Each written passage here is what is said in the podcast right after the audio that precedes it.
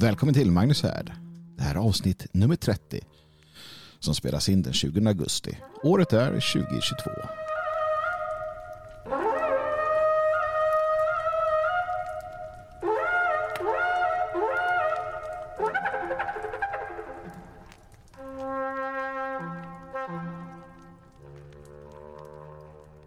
Varmt välkommen till härden. Kom in, eller ja, nu är vi inte inomhus, eller vi är både inomhus och utomhus. Vi är där du vill vara i ditt sinne. Så kom in eller kom ut. Sätt dig ner. Låt dig väl vila när jag tar till orda. Du är, du är en del av någonting. Det är väl härligt. Du är en del av ett ganska bra gäng som varje vecka sätter sig ner i den här imaginära härden, i alla fall för tillfället. Och eh, tar del utav en massa klokskap, en massa kommentarer och en massa trevligheter. Som sagt, mitt, eh, min, min stora förhoppning är ju att vi ska ha den här härden i RL vad det lider. Men eh, det närmaste vi får komma vad det lider är ju i alla fall eh, diktsamlingen som ska bli av. Återigen, du är varmt välkommen att skriva till magnushärd.protonmail.com och säga att du vill vara en del av denna diktsamling. Då vi ska träffas i Svenskarnas hus i Algarås. Vi ska äta en bit mat, vi ska umgås och vi ska läsa dikter för varandra. Va? Hur eh, mossigt låter inte det för alla under, eh, inte vet jag, 15 eller så. Nu är det väldigt sällan som, som människor under 15 lyssnar på Magnus Härd. Det är om, om föräldrarna tvingar dem eh, till härden. Och då får de sitta och skruva sig en halvtimme, 40 minuter, en timme eller vad det kan tänkas vara. Lika gott åt dem. Det behöver de ungdomarna. ja, jag tänker att jag vill inleda eh, härden idag med att gratulera eh, Jimmy Åkesson. Jag tycker att det kan vara på sin plats. Det första jag gjorde här nu eh, innan jag skulle spela in var att titta igenom nyhetsfloran. Man vet ju aldrig om det har hänt någonting som man känner att det här vill jag säga någonting om. Och då stöter jag på att eh, Jimmy Åkesson har gått och skaffat flickvän. Grattis till honom. Det var väl två år sedan eller någonting som eller tre år sedan, jag minns inte, som han blev eh, ensamstående. Och det är ju aldrig kul, det vet vi. Det vet vi alla som har upplevt eller upplever detta. Det, det, är inte alls roligt eh, att, att gå från tvåsamhet till ensamhet. Och eh, när jag läser då om att Jimmy har hittat någon som han eh, verkar uppskatta. Och de verkar uppskatta varandra. Då, då blir jag glad. Jag blir glad för hans skull. För att det, det är liksom meningen. Va? Ja, det är meningen. Människan ska inte vara ensam. Hör ni det där ute? Det, det, det, här bör ni ta till er allihopa. Människan ska inte vara ensam. Människan mår inte bra av det. Jag vet inte om jag berättat om, jag, om det här experimentet jag hörde om. Jag kanske gjorde det i förra avsnittet. Jag, jag minns inte, men det var så spännande. Att de hade isolerat någon cell eller någon molekyl eller vad det var. Och sen hade de placerat den här stackars molekylen eller cellen i, i sin ensamhet. Någonting man hade tagit ut ur kroppen. Då.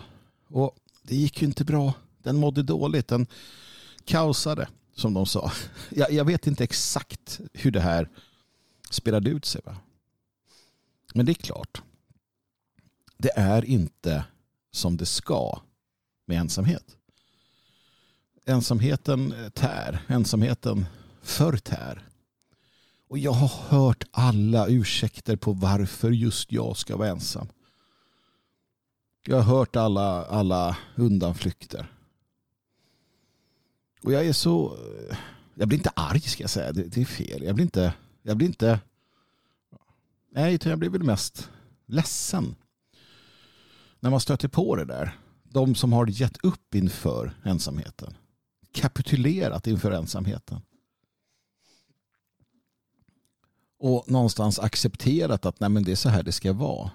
Av som sagt eh, en uppsjö orsaker. Och jag har svårt att jag har svårt att se att det finns någon bra, eh, ärligt talat, något bra argument för detta. Det, det, det tycker jag inte att det gör. Va? Utan man måste, man måste på det igen, helt enkelt.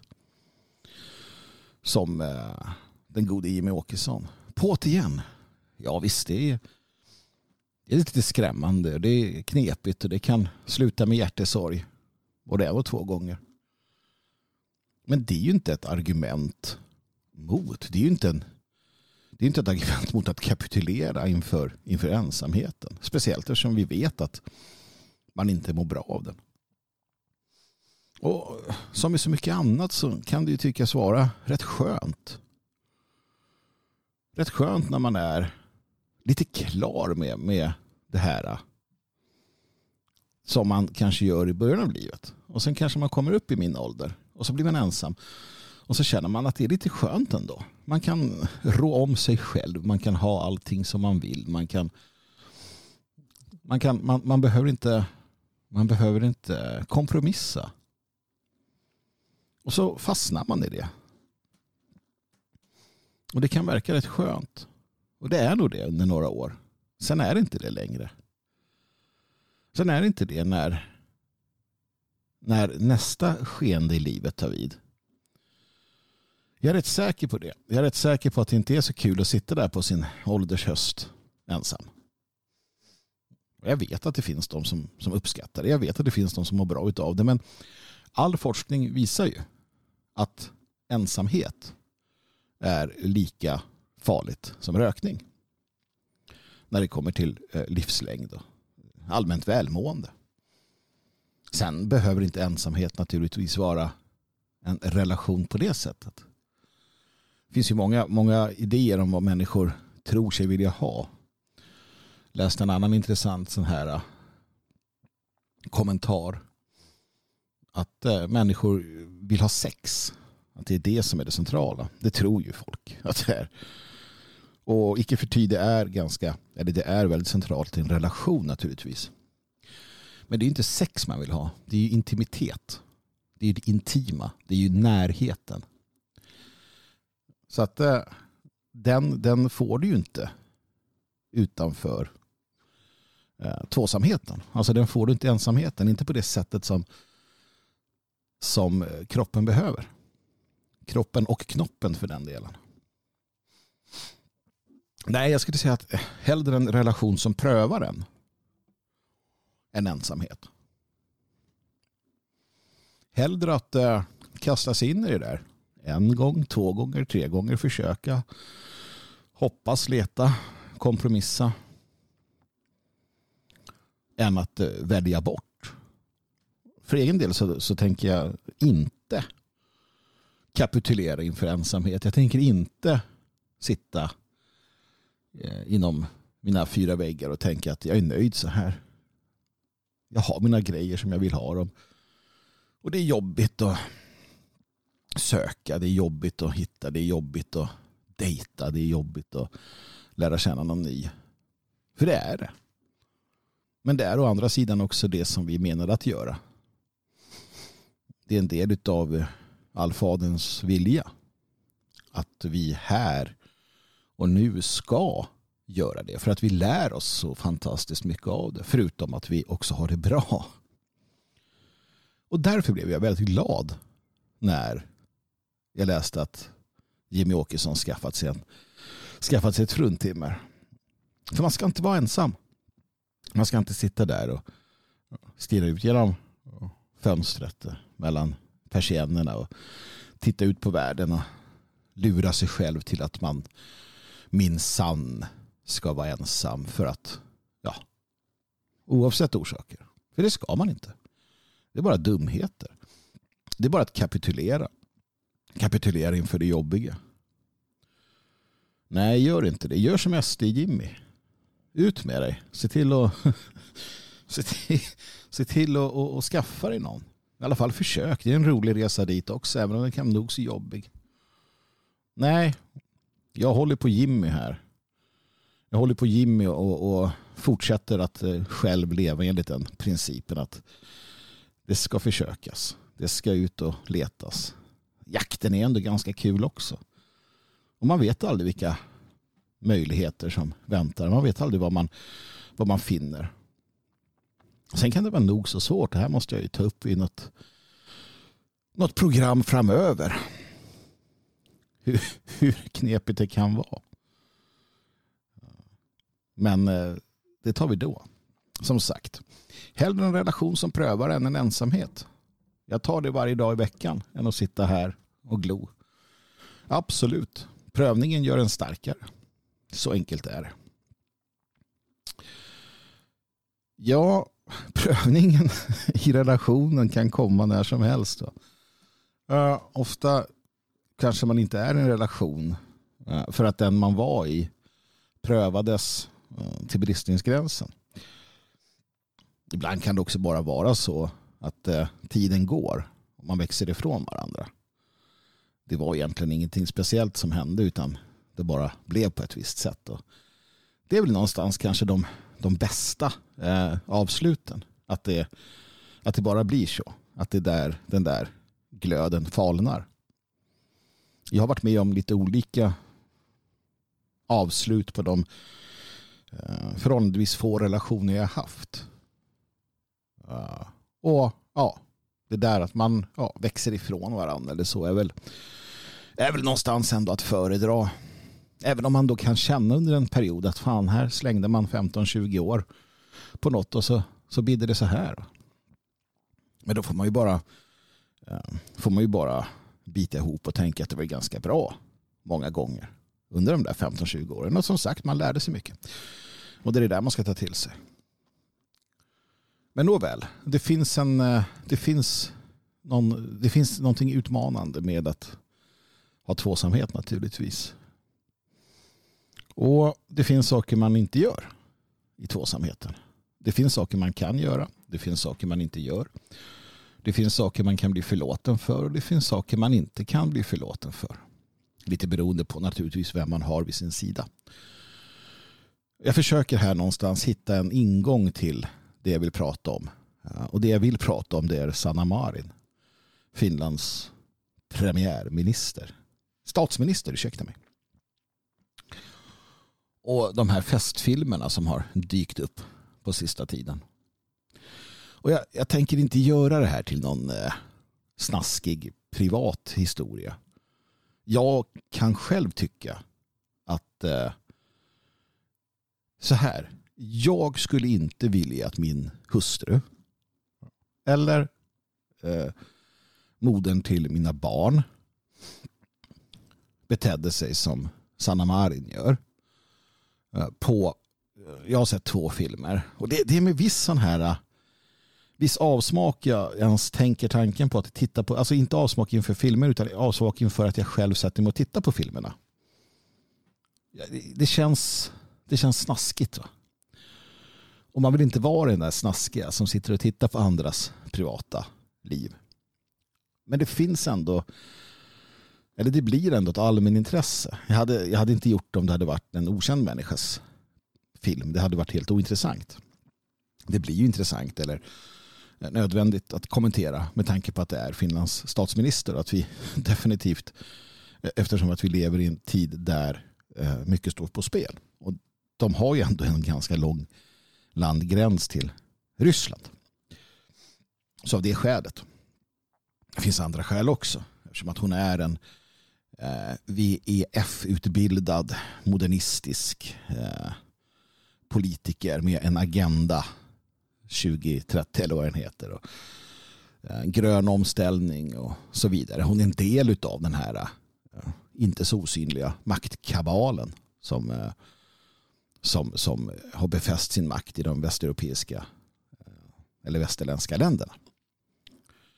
Och då gäller det också att så att säga skärskåda henne. Men först det privata och personliga då i det här sammanhanget. Ehm, jag hade som sagt inte uppskattat om min hustru betedde sig eh, som Sanna Marin gör på första filmen. Jag tycker inte att, att det liksom känns rätt. Men det är upp till mig i sådana fall. I en sån relation där jag skulle säga att men gumman, alltså det här att du super ner dig och inte vet jag om det är droger inblandade. Ja, kom igen, du är liksom du är mor till mina barn och du står och, och juckar med några så här. Det är inte fräscht. Liksom. Jag tycker inte om det. Och hon skulle kanske försvara det eller inte. Jag vet inte. Det, det i sig är ingenting som jag lägger liksom någon större vikt vid. Annat än att jag inte skulle uppskatta det. Om, om du som lyssnar uppskattar det eller inte har några problem med det i din, den relation du har befunnit dig i eller den relation du befinner dig i så, så är det liksom inte min mening eller min sak att, att angripa det. Utan jag tycker nog att man får bestämma sånt själv i relationen. Och du som lyssnar får bestämma själv om du tycker att du själv har rätt till eller om din fru eller så har rätt att bete sig på det sättet. Jag hade inte uppskattat det, men det är jag. När det kommer till film två då hon eh, hånglar med en person som inte är hennes man um, så tycker jag, och det här är fortfarande privat och personligt, i min värld så hade det lett till en, en skilsmässa. Jag hade inte accepterat det. Uh, nej, så enkelt är det. Spelar liksom ingen roll. Uh, det, det, är inte, det är inte okej. Okay. När det, när det går till det fysiska så är det. Där, där, där, där drar jag definitivt en gräns. Det, det går liksom inte. Och, eh, även om det i en relation fanns att man rent intellektuellt skulle kunna förstå vad som har hänt och varför så, så, så går det inte. Det är vad det är. Va? Man, kan, man kan förlåta. Man kan förlåta allt. Men det betyder inte att man måste gå vidare med det.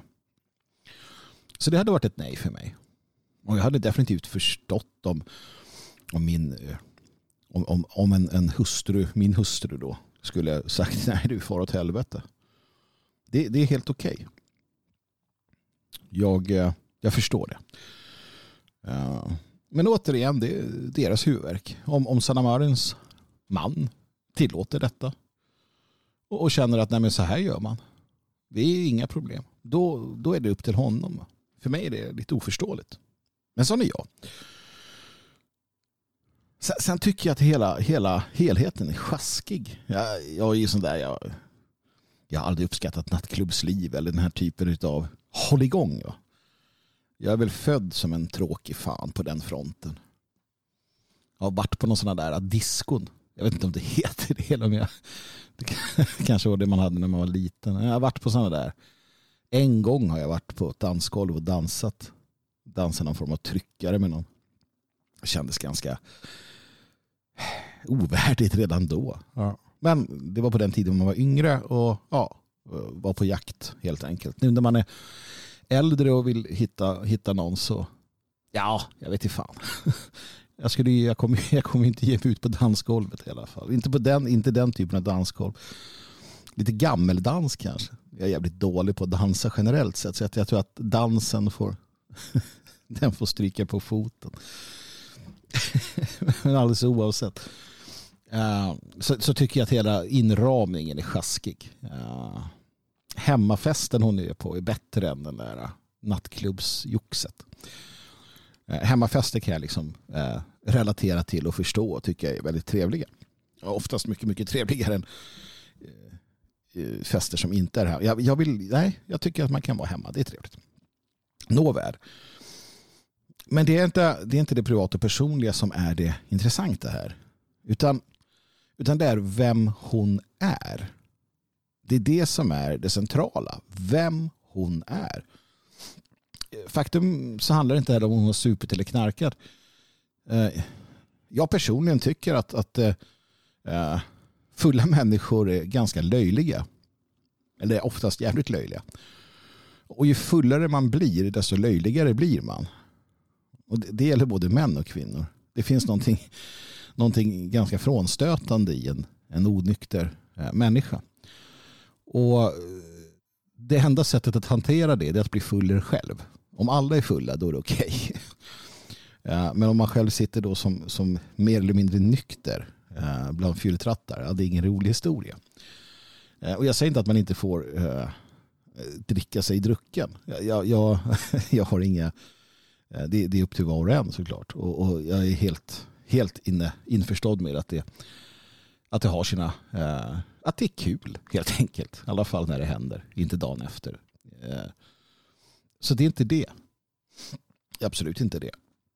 Ja, hon får supa mycket hon vill kort sagt. Det lägger jag mig inte i. Utan det centrala är ju vem hon är. Alltså det är kontexten. Och jag har stött på en hel del fittknäktar på nätet som, som inte kan förstå detta. Ehm, um, sådana som drar sina lansar nu för Sanna Marins del. För att hon är tjej naturligtvis. För att hon är kvinna. De, eh, någonstans där långt inne kanske tror att de kan få, eh, jag vet inte. Ni vet hur fittknäktar tänker. Hon är en stark tjej, hon ska få göra som hon vill. Det är jättemysigt, det är coolt, hon är en cool statsminister. Hon är cool som, som eh, bedrar sin man.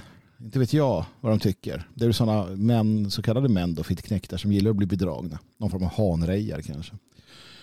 Um, för min del så jag tycker det är ganska sorgligt.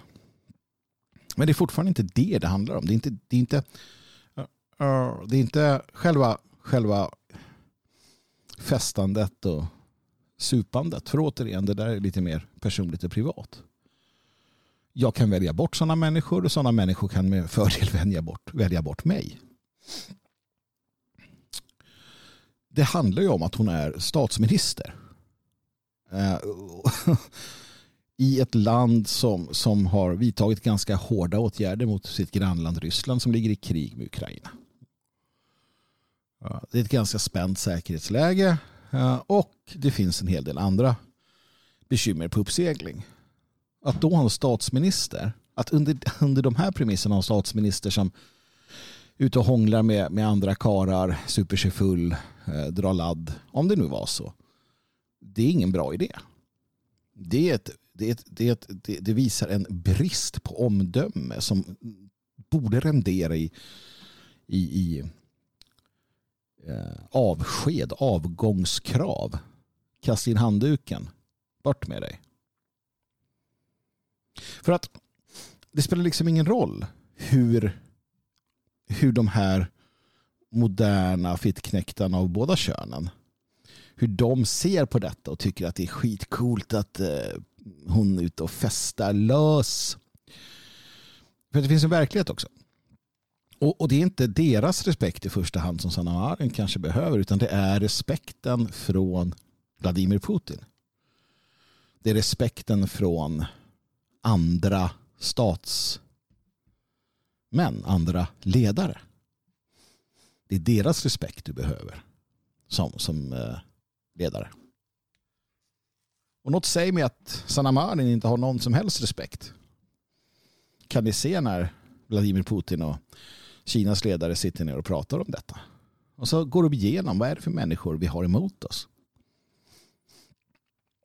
Det, det, det, det är klart så att det kan vara helt fel. Det kan vara fel. Det kan vara så att Sanna Marin trots allt detta är en fantastisk strateg, fantastisk ledare. Hon, hon vet precis vad hon gör. Det kan vara så. Men det spelar fortfarande ingen roll om det är så att människor utifrån sett då ser henne som en pajas, som en festprisse, som, en, liksom, som ett våp.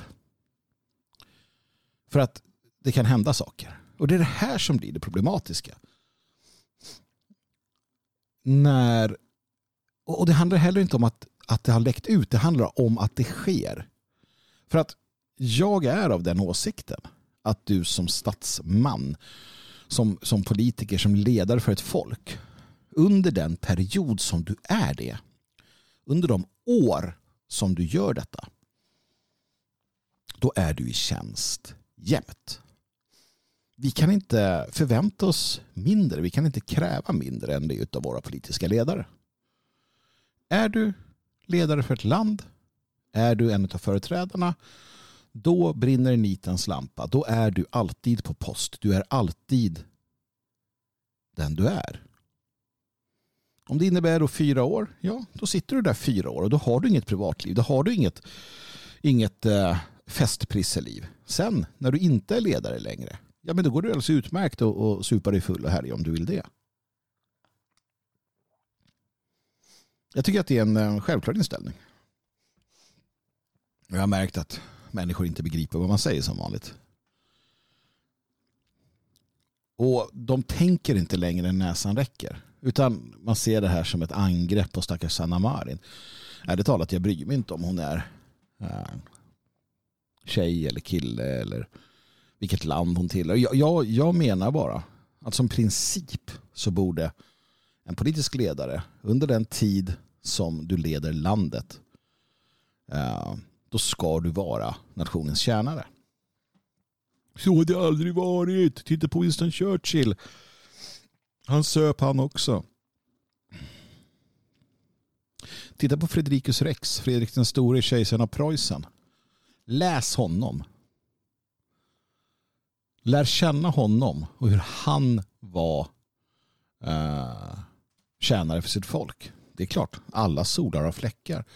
Alla gör bort sig. Alla ställer till det för sig. Alla, vi är inte mer än människor. Men principen. Sanna Marin hade kunnat gå ut och sagt att fan, det här var dumt. Jag förstår det. Eh, jag, jag var eh, översvämmad av arbete, jag mådde dåligt. Vad det kan vara. Det här, var, det här har tärt på mig. Och jag, jag behövde det här. Eh, jag ber om ursäkt och jag förstår att, att det här inte ser bra ut. Jag, jag ångrar mig. Ehm, och eh, jag kommer att, att fullgöra mina plikter gentemot folket. Hon kunde sagt något sånt det hade varit okej. Okay. Sen har hon fått prata med, med, med Karl hemma såklart om andra saker. Men det gör hon inte utan hon säger bara att jag har gjort rätt. Jag har inte gjort något fel. Jag har privatliv. Jag får göra så här om jag vill. Jag har inte knarkat. Där har vi ju problemet. Att man inte ser och förstår hur olämpligt det är. Sanningen är den att du får den respekt du gör dig förtjänt av. Och du får den genom vem du är.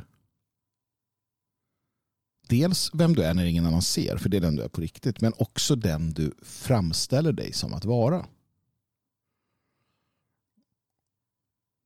Det är så, ja, det är så du får respekt. Och, om du framställer dig, och det gäller också från pissliberala fjantars håll. De, de, kan, de kan eh, de kan stå där och, och, och eh, liksom skicka okvädningsord till Donald Trump eller eh, kalla eh, starka ledare för ditten och datten.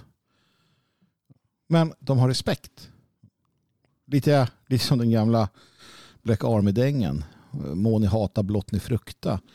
Det är lite samma sak här. Visst, ni kan, ni kan göra er lustiga. Ni kan, eh, ni kan härja. Men i grund och botten så vet man att det finns en respekt för Vladimir Putin. Det finns en respekt för eh, fanns en respekt för Donald Trump. Det, det fanns det. Eh, också från pissliberalernas håll. Så att du är du kan välja själv då hur du ska framstå. Vad du ska vara för typ av, av människa. Sen är det lite olika kontexter naturligtvis. Hur, de, hur du, alltså utifrån det folk du tillhör hur ska man vara i Sverige, hur ska man vara i, i Finland, hur ska man vara i Italien. Det, det skiljer sig åt. Men, men fortfarande är det så att den här typen av flams och trams och att vara någon festprisse, det, det är sällan det ingjuter respekt hos någon. Och det mest tråkiga i det här sammanhanget kan jag tycka någonstans det är att vi inte har någon som helst auktoritet. Ingen, ingen moralisk auktoritet som, som säger ifrån. Vi har inga prästmän som förklarar varför det här var en jävla dum idé. Ja. Utan hela den här moraliska aspekten han har liksom hamnat i vanrykte. Det märker man tydligt. Där, där många nästan då hyllar det här beteendet. Och det är väl för att det är enklast också det är klart, du vet ju själv där inom dig att det är enklare att, att kanske bete sig som hon har gjort än att ta den snåriga och besvärliga vägen. Det är svårare kanske i dagens samhälle att inte fästa loss och glömma bekymren. Det är svårare att konfrontera dem. Det är lättare att ge sig ut och ligga runt än att, än att hålla sig trogen det är lättare att falla för frestelserna. Det är lättare att vara ensam än att, än att verkligen eh, försöka hitta tvåsamheten. man väljer den enkla vägen. Man väljer den enkla vägen i allt. Och Gud nåde den jävel som då väljer den svåra vägen. Ich will mein Land zurück, das lasse ich mir nicht nehmen. Ich will mein Land zurück, rück die Heimat raus. Ich will mein Land zurück, das müsst ihr doch verstehen. Denn dieses ist mein Vaterland, hier bin ich zu Haus. Jeden Tag muss ich's mit ansehen, was in Deutschland mieses geschieht.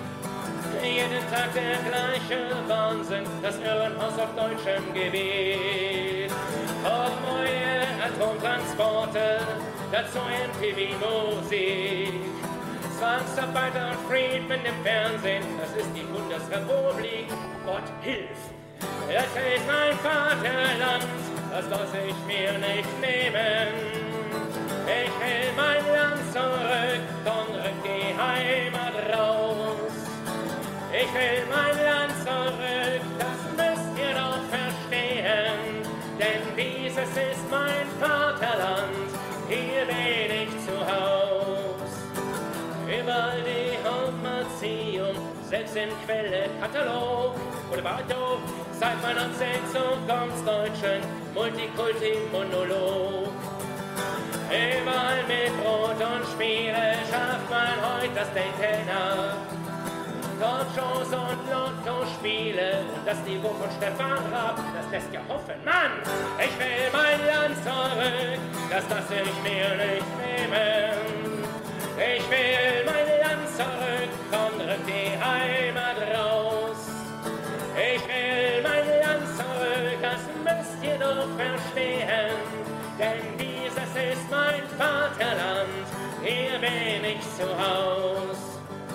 Fremdbestimmte Politiker, mancher reiste über einen großen Teich. Mancher macht die Bomben klar, mancher buckelt im Industriebereich. Schwarze Content, Kernwirtschaft, im Tierpark steht Flachparadencode. Äh, Diktatur der Scheindemokraten und für uns ein Parteiverbot. So schnell geht das noch nicht. Ich will mein Land zurück, das lasse ich mir nicht nehmen. Ich will mein Land zurück, von rück die Heimat raus. Ich will mein Land zurück, das müsst ihr doch verstehen. Denn dieses ist unser Vaterland, hier sind wir zu Haus.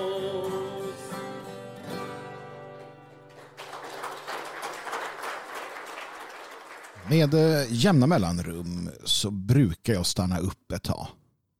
Det kan röra sig om en dag eller en vecka eller längre om möjligheten finns. Det gör en sällan. Det handlar snarare om dagar eller max en vecka. Det är dags för det eh, nu igen. Jag gör det för att fundera över vad i hela fridens namn jag håller på med egentligen. Vad, vad, vad gör jag? Varför gör jag det jag gör? Det är värt att tänka på. Och ska sanningen fram så började jag med det här ganska nyligen. Innan dess så körde jag mest på. Utan eftertanke. Ja, jag var lite mer som en, eh, ett skepp utan roder kanske. En hit, en dit. Man körde på, man hoppade på, man, man, man eh, fick en impuls eller man blev övertygad om någonting. Det är ingenting jag rekommenderar. Tvärtom. Jag rekommenderar tvärtom. Eftertanksamhet. Så att vid några tillfällen under de senare åren, kanske tio eller så, så försöker jag släppa allt under en period. Luta mig tillbaka och ställa mig frågan, vad håller jag på med egentligen? Vad är det jag håller på med? Och nu så har det blivit dags för det igen. Det har blivit dags att ifrågasätta mina val, mina ställningstaganden, vad jag gör och varför jag gör det. Det har blivit dags att släppa allting. Att eh, försöka se på livet och se på det man, man är en del av utifrån med andra ögon. Jag måste ifrågasätta mina val, mina ställningstaganden, vad jag gör och varför jag gör det. Risken, förstår ni, risken om man inte gör det, den är att man hamnar i ett slentrianbeteende. Att man bara gör. Man gör sånt som fungerar bara för att det fungerar. Man tycker och tänker saker bara för att man är trygg i dem. Man säger saker som man vet att människor uppskattar att höra. Och när de uppskattar att höra det så får man positiv feedback som gör att man mår bra. Men jag är inte här för att må bra. Meningen med livet är ju inte att må bra. Meningen med livet är att göra det man ska. Även om det till synes kan kännas som att man inte mår särskilt bra av det. För att i slutändan så mår man bra när man gör det man ska. Bara för att man är trygg i någonting, bara för att man är bekväm med någonting och bara för att någonting har blivit slentrian så betyder det inte att det är det rätta för vare sig mig eller det sammanhang jag befinner mig i. Alltså måste jag ifrågasätta dem. Alltså måste jag vända på stenarna och se vad finns där under.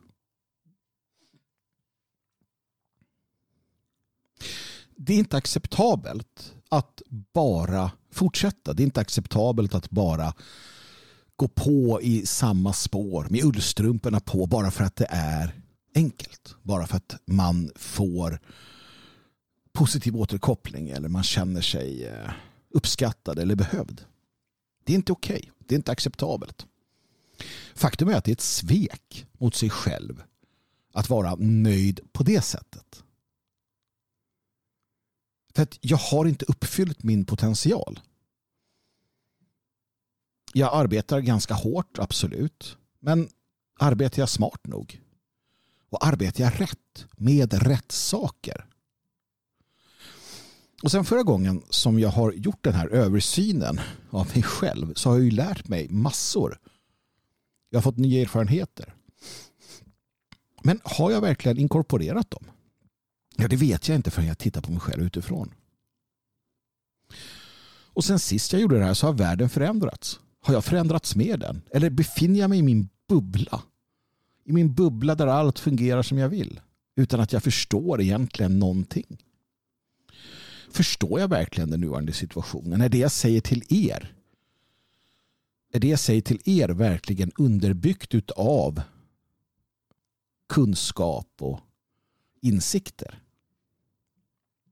Jag tror det. Jag är rätt säker på det. Men jag tar mitt ansvar på allvar.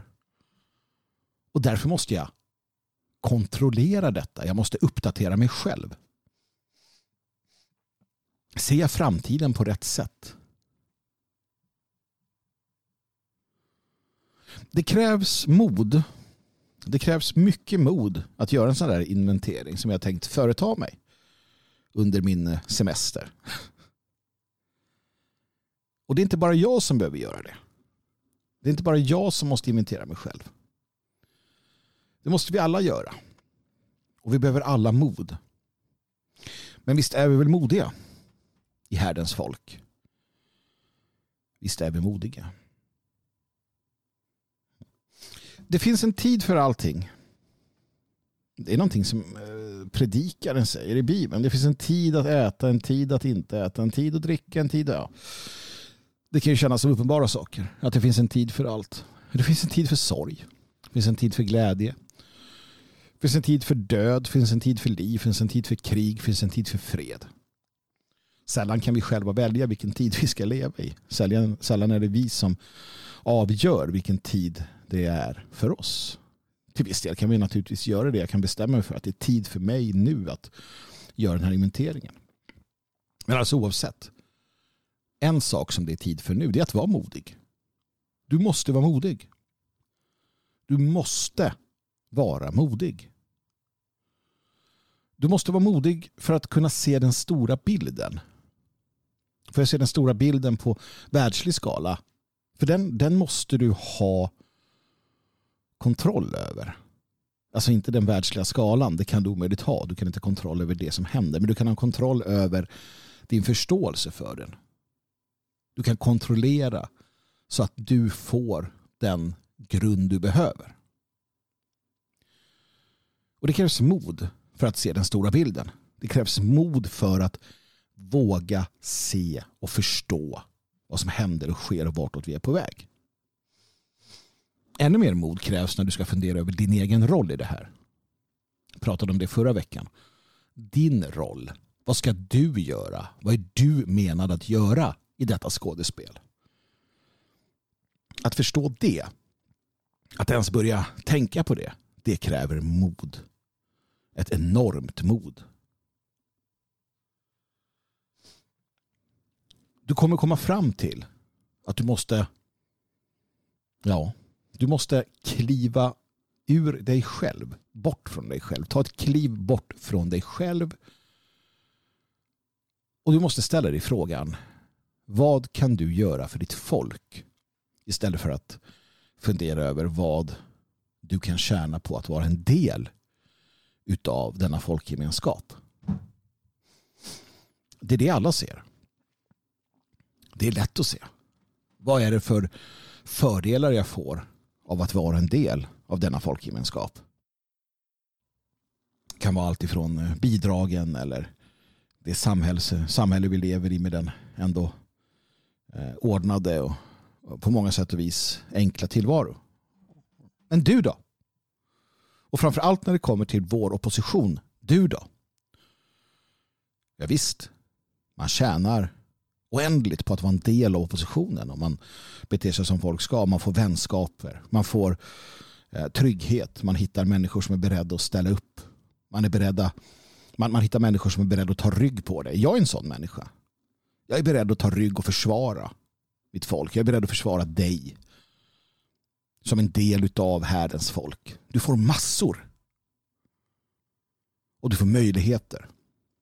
Men vad ger du? Det måste du fundera över och det krävs mod. Det krävs mod. För att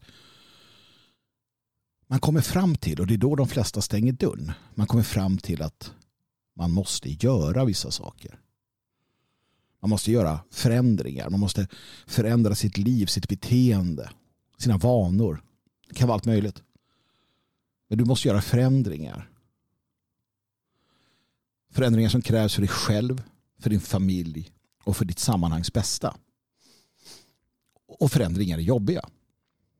Och då krävs det mod. Det krävs att du har mod. För modet är grunden till de förändringar som du måste driva igenom. Och det finns inga ursäkter. Det finns inga alternativ. För att om det inte sker om vi inte tar de här stegen framåt som individer. Ja, om vi inte gör det då kommer inte vår opposition ta några steg framåt. För den, den, den är beroende av att vi tar steg framåt. Alltså återspeglar vår möjlighet som opposition och våra framgångar återspeglar våra anhängare och medhjälpares vilja till förändring. Och det handlar om mod i grund och botten. Det handlar om mod och ingenting annat. Det finns inga ursäkter. Ditt mod avgör. Och Det här är svårt att ta till sig. Det är svårt att ta till sig. Jag vet att många blir arga på mig när jag tar upp sådana här saker. Man blir arg över att jag påpekar att det handlar om, om, eh, om sådana saker. Man eh, vill inte det. Man vill inte.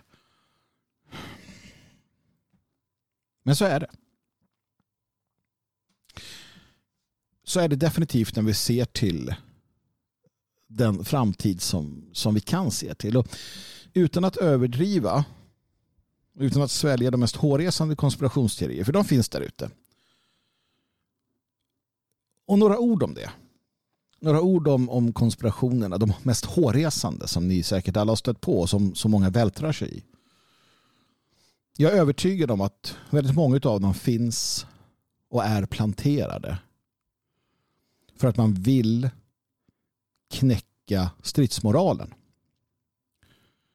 För det jag ser är en uppsjö människor som lever i en föreställningsvärld där man har kommit så djupt ner i kaninhålet att det enda man klarar av det är att förmedla dessa idéer vidare och vidare och vidare. Framförallt så ser jag defaitismen slå rot. Och det är därför som våra fiender, jag kallar dem för det, är duktiga på att lansera den här typen av idéer. Som under krig. När propagandaavdelningar ser till att sprida rykten om eh, fantastiska vapen som kommer börja användas. Eller att man berättar om övergrepp för att få sin egen befolkning att eh, hålla ihop. Propagandan är likadan nu. Där man använder sig av de mest underliga och extrema konspirationsteorierna för att förmå människor med ett vaket sinne att eh, bli överväldigade. Det är konspirationen. I min värld så är det konspirationen. Den stora konspirationen är spridandet av många av de mer hårresande konspirationer som människor tar till sig. För att det är lätt också. Det är lätt att ta till sig dem. Och överlåta allt ansvar till den här kabalen då som gör ditten eller datten. Inte till sitt eget liv, inte till sina egna brister och fel utan det är någon annans fel såklart. Det är frimurarnas fel. Det är utlänningarnas fel, det är judarnas fel. Det är rymdmännen på Mars fel. Det är alla andras fel. Sällan tittar man då i spegeln. Och som folk lägger pussel. Ja, det var vårt fel. För det vill man inte. Eget ansvar vill man inte ta. Och med tanke på att det är sån eh, fruktansvärd maktkabal som styr så kan jag heller inte vara offentlig utan jag måste sitta anonym och sprida vidare fakta om detta. Inte kalla fakta som man kan ta till sig och sätta i ett sammanhang utan de mest obskyra fakta som går att hitta. Och man kallar det inte ens för sin tro utan man kallar det för fakta att man har studerat. Ytterst problematiskt. För att vi behöver inte detta. Vi behöver inte dessa överdrifter och hittepå som, som eh, ges bort eller säljs ut. Utan vi behöver bara förhålla oss till det vi kan se. Kalla fakta. The Great Reset har aldrig varit en, en dold konspiration. Det har kallats för det av våra motståndare. Men skit i dem. The Great Reset, bolsjeviseringen av västerlandet. Och det här är en mörk dystopi som vi möter. Och den är verklig. Vi, vi ser och hör och läser vad de vill. De är tydliga och raka med detta. Det finns källor, dokument, inspelningar, program, ibland omskrivet, så att man måste förklara varför detta är bolsjevism. Det här är ingenting som ligger dolt. Det här är ingen konspiration i den bemärkelsen. Det är en eh, tydlig viljeriktning från en, en, en, en, mäktig, eh, en mäktig grupp av människor. Och de använder sin makt för att genomdriva sina idéer. Genom att bland annat utbilda framtida ledare som Sanna Marin. Deras värld, deras världsåskådning eh, är diametralt motsatt vår. Men det är inget konstigt i den bemärkelsen att, att det är någon form av hemlig kabal. De är bolsjeviker. De är, eh, de är materialister. De är ateister. De är ja, En, en avknoppning av denna eviga eh, denna eviga kamp mellan kaos och skapande. Mellan ljus och mörker eller hur du vill se det. Det är inte svårare än så. Men det krävs mod att konfrontera denna dystopi som vi ser. Det krävs mod att erkänna den, att förstå att den, att den närmar sig. Och, och, och jag blir alltid lika sorgsen när jag ser människor säga sig förstå detta men sen bara fortsätta leva sina liv som om de vore helt okunniga om det de just visade sig förstå. The Great Reset det är bara som det är. Och vi måste förstå det. Vi måste ha modet att, att se det. Demografin, folkutbytet, folkmordet som pågår. Barnafödandet eller bristen på barnafödande. Allt detta är också inför öppen ridå. Och nu kan vi koppla på vaccineringen. Nu har vi så pass på fötterna att det är ganska enkelt att säga att jo, vi ser nedgången också sen massvaccinationerna satte igång framförallt i västerländet där vi har bra kontroller där vi ser detta. Och med boostersprutorna så håller man nere eh, barnafödandet så att det blir ännu mindre än vad det var tidigare. Det är där vi är. Och lägg till då synen på aborter och synen på äktenskapet.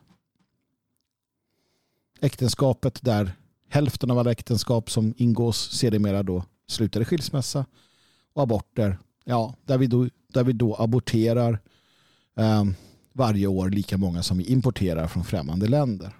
För att vara lite, eh, för att hårdra det hela. Det gör mig då så sorglig att se och höra människor som väljer bort som är en del av oss men som väljer bort denna så viktiga del av sina egna liv och, och våra gemensamma liv.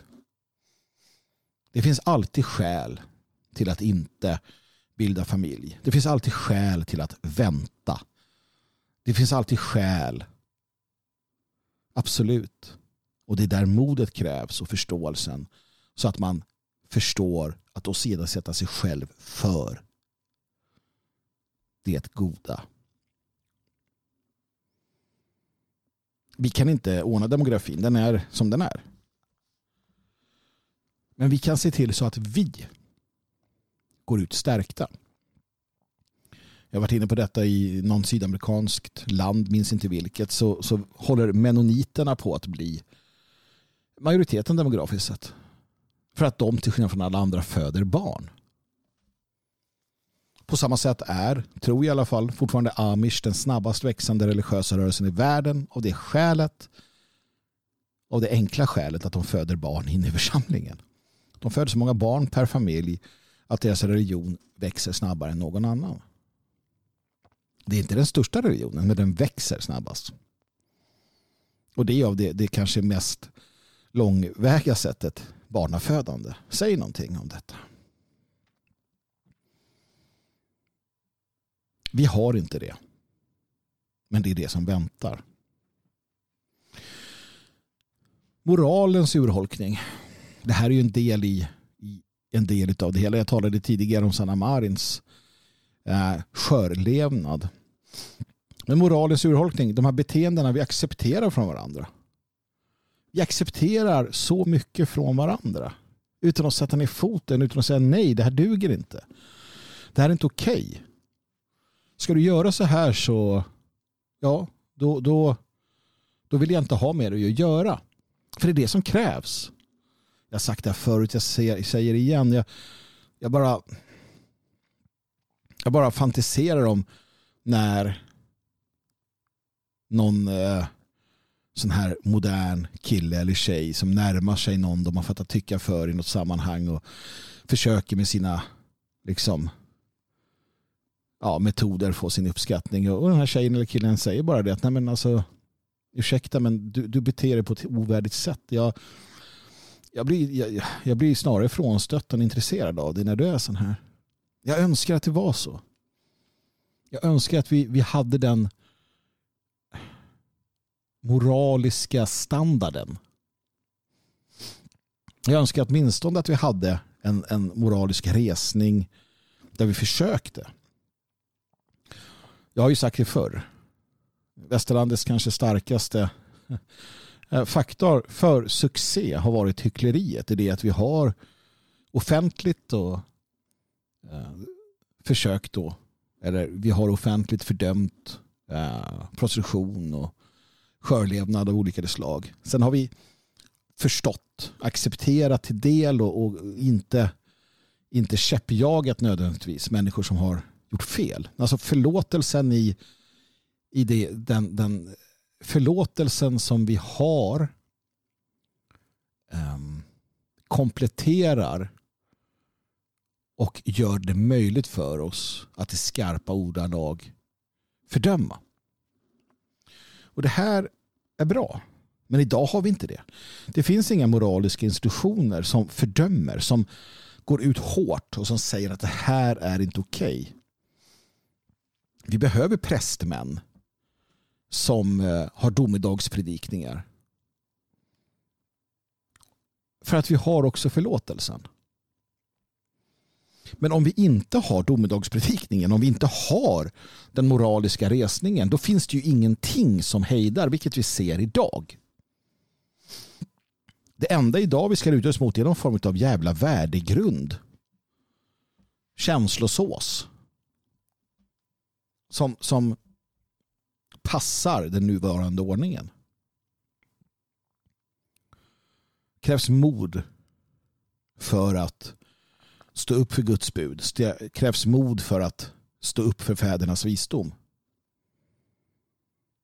Du har hela hbtq-rörelsen och vad den har lett till. Det krävs mod att säga emot. Det krävs mod speciellt när den nationella oppositionen börjar vekna. kan vi inte acceptera. Vi har synen på livets helgd.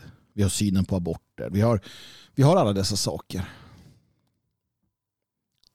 Och det här är en häxkittel och det är den som väntar oss. Och tacka fan för att folk inte orkar. Tacka fan för att folk inte orkar. Men vi måste hitta modet. För modet ger också styrkan. För det finns ett ljus och det är kanske det vi är dåliga på att förklara också. Familj, folk, nation, tradition. Det är inte bara fyra ord som, som ska bära oss framåt. I den ordningen, familj, folk, nation, tradition, så kommer vi också kunna få ordning på det här. Och jag menar det. Först är det lilla. Härdens folk, fria svenskar. Den lilla enheten.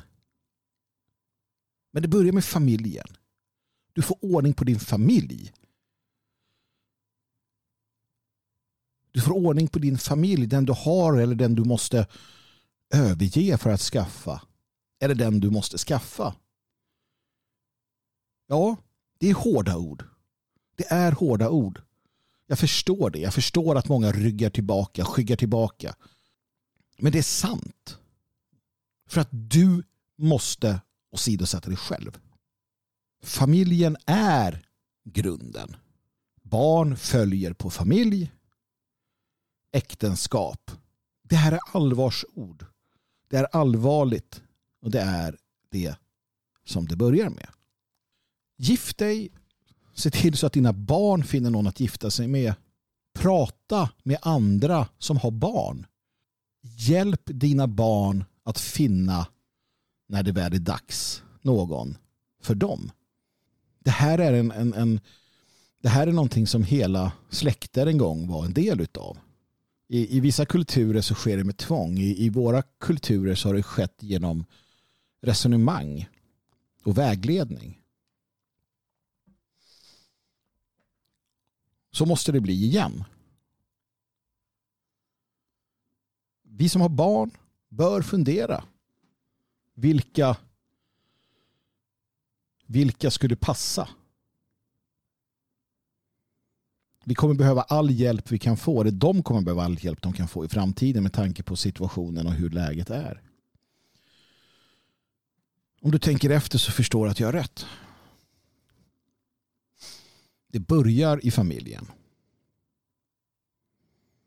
Den du har eller den du kommer skaffa. Och att gå runt och säga att nej, nej det är inte för mig. Det är inte acceptabelt. Det är inte det. Om du viker ett steg tar du avsked från oss det lagen gör känd som du vill. Det finns jättemånga sammanhang du kan passa in i fast du beter dig och tänker så. Men inte i mitt. Inte i mitt sammanhang. Där tar det slut. Där tar det stopp. Familjen är grunden. Har vi den familjen, ja då har vi stammen och folket. Vi har de fria svenskarna, vi har härdens folk. Där vi tar hand om varann, där vi kan skapa förutsättningar. Vi utesluter och diskriminerar de som inte har det vi har. Och vi bygger, vi satsar. Det är allvarsord. Det är det som krävs som motvikt. Sitter du själv som en ö så kommer du inte ha något att sätta emot. Så enkelt är det. Du kommer inte ha något att sätta emot. När nästa del av vad det nu kan tänkas vara rullas ut. När nästa anstormning kommer, när Afrika fördubblas igen. Där sitter du själv för att du väljer att inte ta ansvar. För att du inte har mod nog att ta ansvar i detta nu. Du gör dina val. Och den som viker ett steg han tar avsked från oss. Det är lagen. Gör sen som du vill. När vi gör rätt i det lilla så gör vi rätt i det stora. Och när vi gör rätt som familj och som folk så kommer också vår ras att stärkas, alltså nationen. Nationen det är en raslig nation, nation handlar om ras. I det lilla så också i det stora. Och, och såklart så ser det olika ut beroende på vår situation. Det finns alltid de som har skäl till ditten eller datten och som kan känna sig orättvist behandlade av mig i detta nu. Men det är ett jävligt litet fåtal. För för de flesta handlar det inte om egentligt, egentliga vettiga skäl utan det handlar om andra saker. Bekvämlighet och avsaknad av mod, avsaknad av tro och så vidare. Och jag, jag blir ledsen när jag ser människor jag håller av som väljer bort att vara en del av att skapa en bättre framtid. Av personliga egoistiska skäl. Absolut, de kan på olika sätt göra väldigt mycket annat som är bra. Men att det tar stopp också. Det tar stopp vid att man faktiskt tar klivet. Man tar ett trossprång och det, det är sorgligt. Framförallt eftersom jag är rätt säker på att jag vet hur det kommer se ut. Jag vet hur det kommer se ut framöver.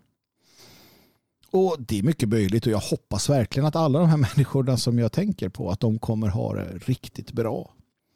Jag hoppas att deras eh, bostadsområden och sammanhang inte alls faller samman. Jag hoppas att det, att det löser sig. Det är klart man hoppas det för människor man tycker om. Men jag ser också med en tekel skrivet på väggen. Och de gör själva det. Men eh, det är inte läge just nu. Nej, men låt mig informera om att det aldrig blir läge. Det kommer aldrig vara rätt stund att göra det som måste göras. Det är därför man gör det. Det är därför man gör det. Inte när det är rätt läge, utan när man inser att det här är det som måste göras. Hur fann de kristna i Rom modet att vägra kyssa kejsarens ring? Trots att de visste att det skulle sluta med kast till lejonen. Det här är sånt som jag funderar över. För att jag funderar över att vi har blivit så veka. Jag inkluderar mig själv i den listan. Vad har hänt med oss? Vi, vi, vi tillhör folk som fick erbjudandet att kyss, kyss kejsarens ring eller kastas till lejonen och så här. Nej. Eller katarerna. Fromma människor som stod emot den katolska kyrkan och hellre mötte en plågsam död på bål än att ge upp sin tro. Så här. Avsvärjer er tro eller bränns på bål. Och de, nej. Och det, det finns så många exempel. Men eh, det verkar ha runnit ur oss till del. Och frågan är ju hur, hur kommer det sig? Vad, vad, vad är det som gör eller vad gjorde att så många människor under historien lyckades stå på sig? Visst, det slutade kanske inget bra för dem. Det är inte det. Att vara lojal eh, behöver inte vara en framgångssaga. I alla fall inte initialt eller ens över tid för en själv. Då. Det handlar om andra saker. Att vara lojal är att sätta ett exempel för framtiden. Att, att visa andra vägen. Det jag tror att det handlar om är att man saknar tro. Vi behöver en tro, en, en egen tro, vår tro. Genom att, eh, genom att skingra irrläror som vi har blivit utsatta för. Men hålla kvar vid sanningar som är eviga och som har funnits länge. Det är där vi har det. För att när man tittar på kyrkorna och när man tittar på andra samfund, tittar på, på kyrkorna, tittar på de olika kyrkorna, tittar på de uh, asasamfund till exempel som finns, så, så finns det sanningar hos dem. Men så ställer de till det för sig genom att de anpassar sig till den värld vi lever i. Man följer inte uh, man följer liksom inte det här om att, att leva i världen men att inte vara en del av den. Man är inte den moraliska auktoriteten som, som säger emot. Man böjer knä, man, man, man anpassar sig. Och det gör man genom att omtolka eller genom att hitta orsaker till att de här irrlärorna ska kunna fortsätta. För det, det, det, är inte så att vi, det är inte så att vi behöver hitta en ny tro. Vi behöver inte skapa en ny tro. Vi behöver bara förstå vår tro. Vi behöver förstå den tro som, som är vår urtro, den som har burit vårt folk. Och det har vi haft den. Och den har varit bättre eller sämre när lager på lager har lagts till. Den, den, den, den, den lutherska nästan gammaltestamentenliga tron som Karl XII bar fram Sverige på den hade också sina brister. Det var inte vår urtro. Vår urtro är någonting annat.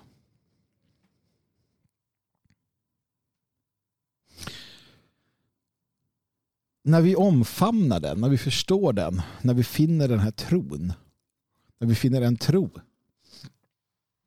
då tror jag också att vi finner mod.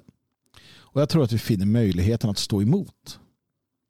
Det, det, är omöjligt för en materialistisk människa att stå emot världen. Det är omöjligt att, att säga nej. Att sätta stopp. Att avgränsa. För varför skulle man? Varför skulle man i slutändan göra det? Det krävs en, en, en förståelse, en, en känsla för det idealistiska mot det krassa materialistiska.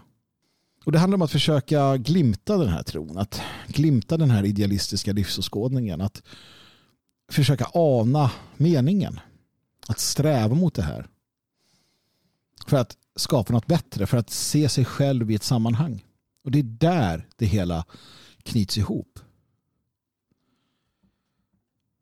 För gör vi det, gör man det, då, då kan man stå emot vad än de kastar emot oss. Men det svåra i detta det är att vi måste göra det som vi måste göra.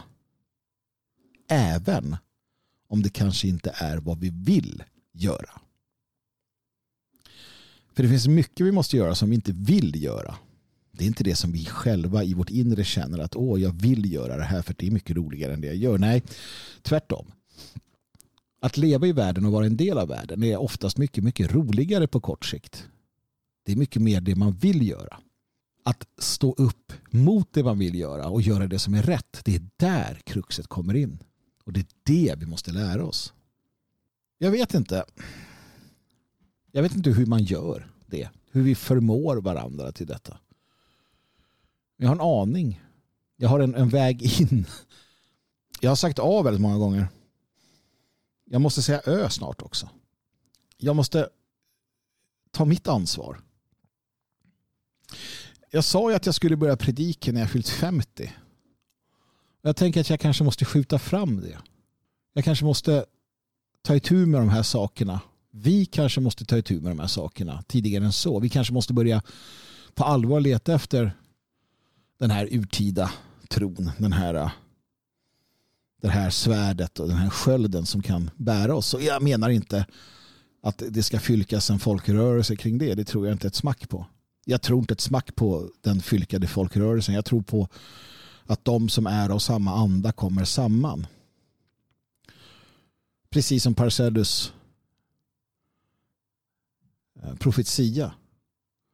Hur en liten, liten grupp människor i Norden kommer klara av att stå emot detta och sedermera därifrån kunna befria världen. Jag tror på det. Vi har sett det förr. Där ljuset och renheten och ståndaktigheten bevaras. Där finns liv och där finns, där finns potential.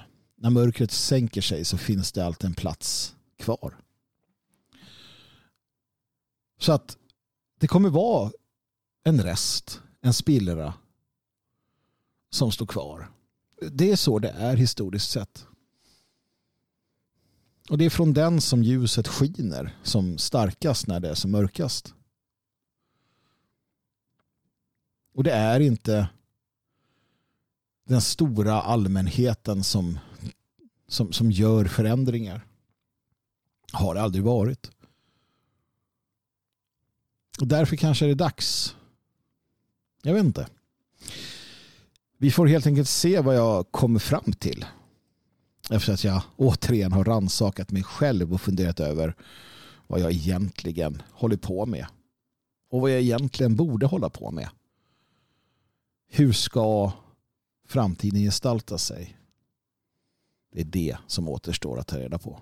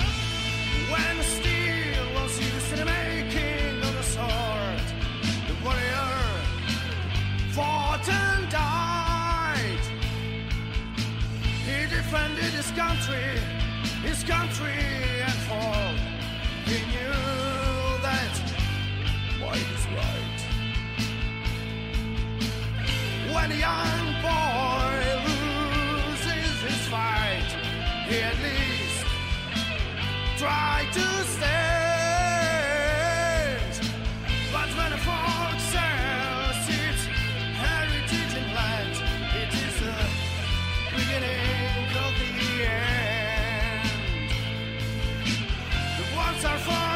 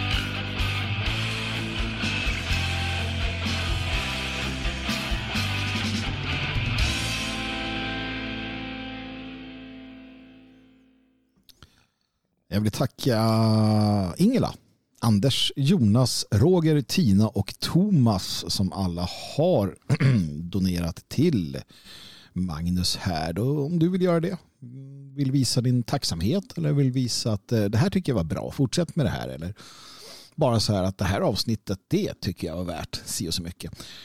Det är så vi visar upp tacksamhet i dagens värld. Jag har inte kommit på något bättre sätt. Eh, och era donationer gör ju också att hela eh, Radio Svegot-projektet kan fungera, fortsätta och ge dagligdags kommentarer, analyser och underhållning, icke att förglömma. Swisha till 123 510 5762 och märk det med härden. Alltså 123 510 5762. Märk det hela härden och gör det nu. Tack så mycket. Ja, Eh, om du vill så är du också välkommen att skriva till Magnus Härd protonmail.com med frågor, funderingar, eh, utmaningar, uppskattande ord eller utskällningar. Eh, lite beroende på vad du, vad du känner för och vad du tycker att att du behöver få, få bli av med för tillfället. Idag har vi lyssnat på musik och det gör vi ju tillsammans med i samarbete med Midgård Records, Midgård Shop, midgardshop.com och liberplay.se och vi lyssnade på eh, Frank Rennick inledningsvis med Ich will, eh, ich will mein Land zurück och sen hade vi Bulldog med Folk, Family and Faith. Båda gamla klassiker. Jag vill sammanfatta det här eller jag vill knyta ihop säcken med en eh, visdomsruna skriven av eh, Karl Ernfrid Karlberg eh, som är tillägnad Manhems religionsvårdare. Tro ej att alltets Gud lever i himlen blott och nej i bondens bröst allfaden gode bor. Så kväder valan vis. Valhall finns här på jord, fallne och stridande äro i anden ett. Mannen som plogen för, krigan som blöda lärt, hjälten som stammen rest, dröja evighet kvar. Djupt i folkets själ. Allt vad de ädelt gjort, verkat i odal och strid, hör ej till tid och rum, stannar i ljusets värld, bliver i Gud. Kämpen av nordisk stam liknar vår fader mest. Kärv är hans uppsyn, ty mödan i marken hård, format hans hand och håg, adlat hans tro. Tron på att kraftens Gud lever i bondens blod. Andas i rasens liv, verkar i folkets själ, väldig och vis. Ja, Gud bor i dig och mig, vi och i Fadern bo. Anden som alltet styr hugstärker oss. Renhet är själens mål, rasens och släktets väg. Ära är evighet, andlighet kamp. Detta är Manhems bud, andens och livets lag. Tror vi på hjältens gry hjälper oss Gud. Glöm inte livets mening, slåss med troll, befria prinsessor, döda varulvar. Det är att leva. Och sist, men inte minst, ge aldrig upp.